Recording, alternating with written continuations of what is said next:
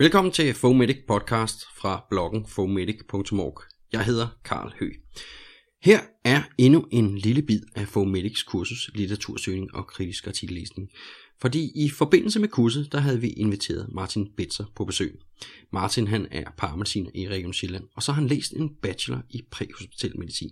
Og han er aktuelt i gang med en master i Health Research. Martin var inviteret til at fortælle om sine erfaringer med at starte forskning i ambulancetjenesten, og I kan høre hans fortælling her.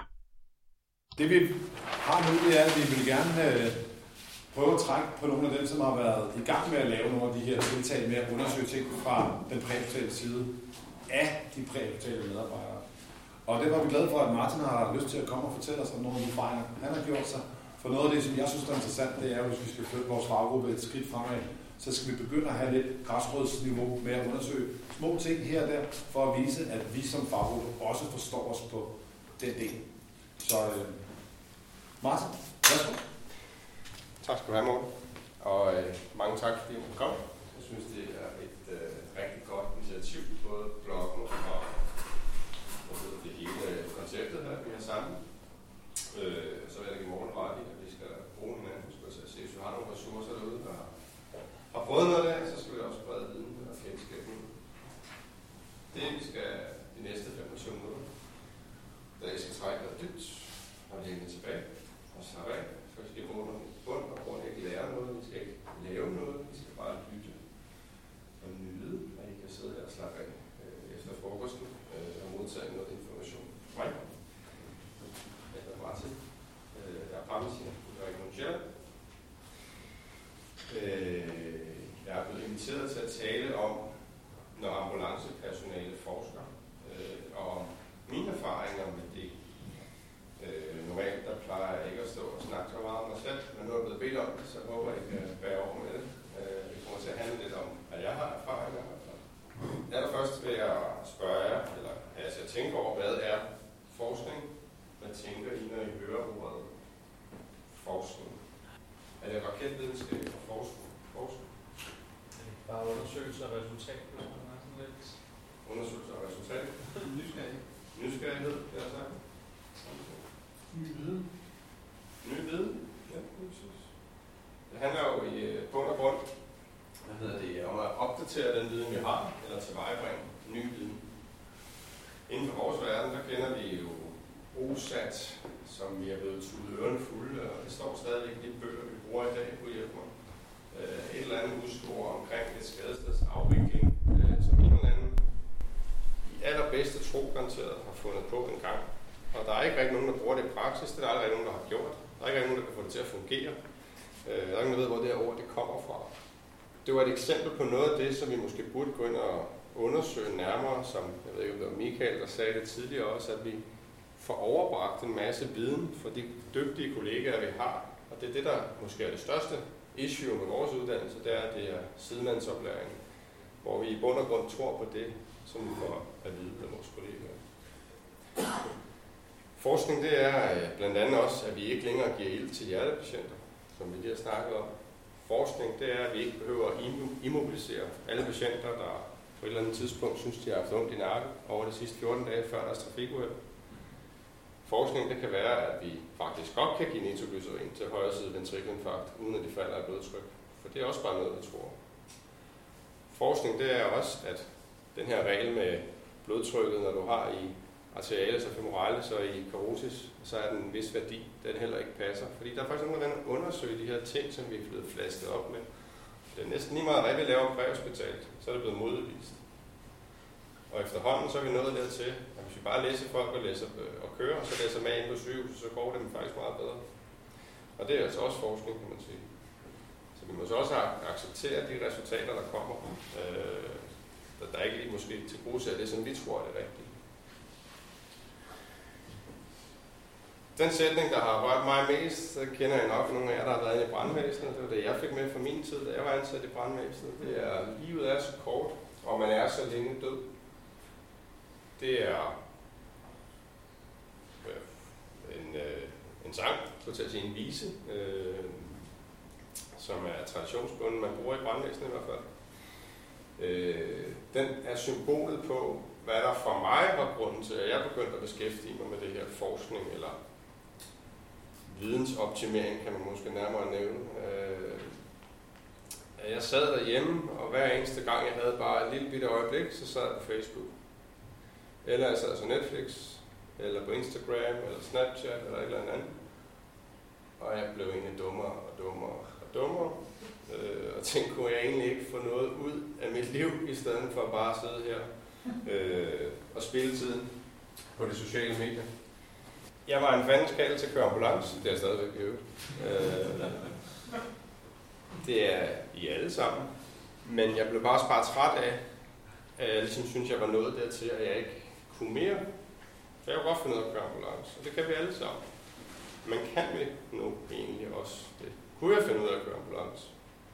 Det vidste jeg jo egentlig ikke. Jeg gjorde, som jeg fik at vide, når jeg mødte på arbejde. Jeg fulgte mine retningslinjer. Men jeg oplevede i hvert fald også en masse, mennesker, som jeg vidste ikke kunne finde ud af at køre ambulance. Og der var jeg også selv på et tidspunkt. Det, som har været et af vores faggruppes største problemer, det er det, der hedder Dunning-Krüger-effekten, hvor vi har vores skills og vores, øh, hvad hedder sådan noget, lad os kalde det selvindsigt, at jo yngre man var, jo mindre erfaring man havde, jo bedre var man til at køre ambulance. Indtil man et eller andet tidspunkt nåede et punkt, hvor man tænkte, at der var altså alligevel ting, som jeg ikke vidste. Og jo længere tids erfaring man fik, begyndte, ens, øh, begyndte ens skills så at, at stige igen. Det hedder den krykker-effekten at de yngste er også dem, der er bedst til at tro, at de har styr på det hele. Og det er her, vi ofte ligger i vores faggruppe. Og det handler i langt høj grad om uddannelse, hvis man spørger mig i hvert fald. Jeg synes, vi har svært ved at indse, at vi ikke er så pisse dygtige, som egentlig går tror. For vi får hele tiden at vide, at vi er de bedste. Er de bedste. I medierne skriver de om, at ambulancefolk er så dygtige, at vi har så mange kompetencer, vi kan så mange ting. Men det er jeg egentlig ikke sikker på helt rigtigt altid. I alle henseender i hvert fald. Så der, hvor jeg tror, vi skal, øh, hvor jeg mener, at man kan sætte ind, det er inden for uddannelse. Og inden for forskning for eksempel, så bare en gren af det, vi skal beskæftige os med. Jeg valgte at tage sammen med en god kollega, der hedder Rasmus Lyngby, en bacheloruddannelse i præhospital akutmedicin. Det var en online uddannelse, som jeg tog på et engelsk universitet øh, for et par år siden, som satte os i stand til at alt, hvad vi har lært her i dag, for eksempel på det her kursus, bare spredt ud over en toårig uddannelse, at søge efter litteratur og hvad hedder det, læse artikler kritisk og forholde os til dem og sætte dem ind i en kontekst og selv lave artiklerne der også, og selv lave en eller anden form for forskning. Det har været en rigtig god investering i min tid, og det vil jeg varmt anbefale at gøre, skulle jeg til at sige. Synes I, at vores egen uddannelse herhjemme er kørt tør, så kig mod udlandet og så se, hvad der ellers er tilbud, som man faktisk kan tage online, mens man er på sin døgnvagt. Og mens man kører sine døgnminutter og får sin afbrudte pause, så kan man stadig godt lære noget. Den her øh, bacheloruddannelse, den har vi så videreført sidste år på en øh, master i sundhedsforskning, det hedder en kandidat i Danmark, en, øh, også en online uddannelse, som vi har et år tilbage stadigvæk, øh, som så er en decideret forskningsuddannelse, som så sætter os i stand til at forske, eller hvad man kan kalde det. Øh, forskning er jo, som vi lige hørte før, øh, mange ting. Øh, ikke nødvendigvis, hvor man skal stå og lave kæmpe store lægemiddelinterventionsstudier. Øh, Men det kan i bund og grund bare være, at vi bliver sat i stand til at læse og forholde os kritisk til den litteratur, der er. Der er vi færdige om et år, Øh, endnu en uddannelse, jeg også synes, at I skal prøve at kigge på, hvis I har brug for at bygge på jeres egen viden. Øh, Rasmus han har været en rigtig god øh, sparringspartner for mig, og det synes jeg også, man skal tage med. At man skal ikke, jo, man kan sagtens gøre det alene, det er ikke det, men er man flere om det, er man to, er man flere i en gruppe, vil det være en rigtig stor fordel, så man har en eller anden, man kan ringe til og sige, jeg har læst det her, kan det passe, at det er sådan her, man skal forholde sig? Forholder det sig virkeligheden? Øh, sådan som jeg tror det er. Og når man får stillet en opgave på den her uddannelse, så kan man ligesom begge to læse den, og sige, jeg tror, vi skal gøre det her, og så kan den anden sige, det tror jeg sgu ikke, vi skal. Og så skal man ligesom blive enige om, hvad det er, man, eller hvordan man skal forstå øh, de forskellige øh, ting. Øh, det at have en at støtte sig til, er i hvert fald en rigtig øh, stor del af det, vil jeg sige. Man kan spørge, what's in it for me? Det kan man øh, sige, at jeg synes, det der er i det for mig, det er, at jeg udvikler min horisont. Jeg har slettet min Facebook-profil. Øh, jeg har aldrig haft så meget tid, skulle jeg til at sige. Øh, jeg kan sidde på toilettet uden at skulle kigge på Facebook. Det er i sig selv, synes jeg er en sejr.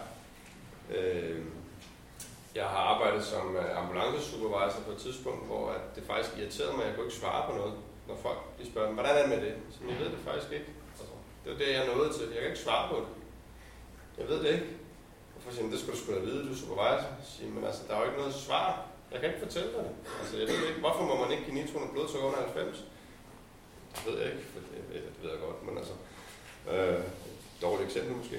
Men, men folk vil bare rigtig gerne have et svar, der kan sættes ind i en kasse. Og jeg har det bare sådan, at jo mere man læser, og jo mere man udvikler sig, jo mere finder man måske også ud af, at man ikke kan sætte noget som helst ind i en kasse. Og det er måske der, vi alle sammen skal hen. Vi skal alle sammen hen der, hvor at, at vi kan ikke bare sætte ting ind i en kasse, vi kan ikke sætte et, et, et, et mærke på alting. Nogle ting skal man vurdere individuelt. Øh, man kan ikke gå ind til folk og sige, hun er ondt i brystet, perfekt, man, nitromonyl, 100% ild, og så køres lidt til sygehuset. Der var vi for 10 år siden, tror jeg. Ikke? Det er lige Martin. Du må også bare anerkende, at øh, to tredjedel af vores kollegaer, de ville ikke kunne fungere, hvis det var de kasser der. Nej. Så, så må også noget, som man kan sige, det er jo, det er jo nytænkning på en måde, som vi har også nogle, nu til nogle, nogle kolleger, som ikke kunne. Altså, Det, der bliver sagt, det er selvfølgelig, at vi har en masse kollegaer, også øh, os selv, skulle jeg sige, der ikke kan fungere, uden vi har kasserne. Og det er heller ikke sådan, at vi ikke skal have kasser, fordi at vores verden er stadig bygget op på retningslinjer og instrukser, fordi vi arbejder under en lægedelegation. Så, og der er jo ting, man skal gøre. Altså, der er jo ting, man gør, hvis det er sådan, man gør det. Og det er vi blevet enige om, at det er den her måde, vi griber det an på. Det er slet ikke det. Men hvis man kigger tilbage bare for 10 år siden, hvordan verden så ud, og så hvordan den ser ud i dag, så har vi jo rykket os fuldstændig vanvittigt. Vi skal bare alle sammen presse på for, at de næste 10 år, der går vi måske i en endnu bedre retning, kan man sige. Øh, jeg siger ikke det, jeg står og siger, det er rigtigt. Jeg har bare haft rigtig gode erfaringer personligt med øh, at tænke øh, tanken øh, anderledes, end jeg gjorde for 10 år siden i hvert fald. Øh, og det skal jo ikke lyde som om, at det her det er bare opskriften på, at det er bare fantastisk, og jeg er verdens bedste ambulancemand eller sådan noget. Det synes jeg faktisk overhovedet ikke er, fordi jo mere jeg har læst om de her ting, jo dårligere bliver jeg til at gøre ambulance, jeg kan slet ikke tage stilling til en skid. Øh, fordi jeg ved, at man kan ikke, øh, jeg, ved, jeg har fundet ud af, at man kan ikke bare, øh, der er ikke noget facit på noget som helst. Så folk siger, hvad fejlede han, så jeg ved det ikke. Altså. Men jeg synes, at man skal, man skal, man skal måske også bruge det, og, og, og nu har bare det, vi sidder her i dag, det betyder også, at I har en vis interesse for det her. Øh, men brug det, øh, brug det som en personlig udvikling, og så være ydmyg omkring det, ligesom jeg selv siger. Jeg står ikke og snakker om mig selv, jeg hader at snakke om mig selv. Øh, nu er det fandme, at jeg er ved at blive optaget til en podcast og alt muligt andet også. Øh, for jeg synes bare, man skal bare være ydmyg omkring det, holde det for dig selv, lære en masse ting, blive dygtig. Det giver os et fagligt løft personligt, det giver os et fagligt løft som faggruppe, øh, og det giver os noget, det lyder lidt plat, men det giver os noget respekt også over for vores øh, samarbejdspartnere. Og det er den respekt, vi alle sammen er så trætte af, at vi ikke har, når vi står i en overleveringssituation, som er et internationalt problem, at der er ikke nogen af dem, der skal modtage patienterne, der gider høre efter, hvad vi går og siger, for vi er jo i bund og grund bare ambulancefolkene. Øh, det behøver vi ikke bare at være. For hvis vi hver gang vi kommer med en overlevering også har noget at sige, for eksempel, så kan det også være dem en anden, der gider høre efter. Jeg har faktisk ikke noget. Det er jo. Er der nogle øh, spørgsmål til Martin, inden at øh, vi øh, stopper den session? For efter det, så går vi lige til lidt kaffepause, og så starter vi op på arbejde med artiklerne bagefter. Så er der nogle spørgsmål til Martin? Du siger, du har læst noget online øh, i øh, England. Kræver det nogle specielle forkundskaber for at komme ind på det studie? Øh, jeg mener, at bare det i sig selv, at man har brandmediciner, så, øh, så tæller det i hvert fald med. Jeg ved, at Rasmus han havde et halvt år på sygeplejeskolen, som talte til hans fordel, for han var ikke brandmedicin på det tidspunkt, jeg besøgte det. Men det, giver da, det er da et oplæg til, at det skaffer vi viden om, og så lægger vi det ud på vores blog som et blogpost om, hvordan kan man komme ind og komme videre. Så det, så det, det lægger vi, vi, vi, vi laver bare sådan en information til det. Det, det var jo ikke os. Så det gør vi. Har et godt spørgsmål? Flere spørgsmål?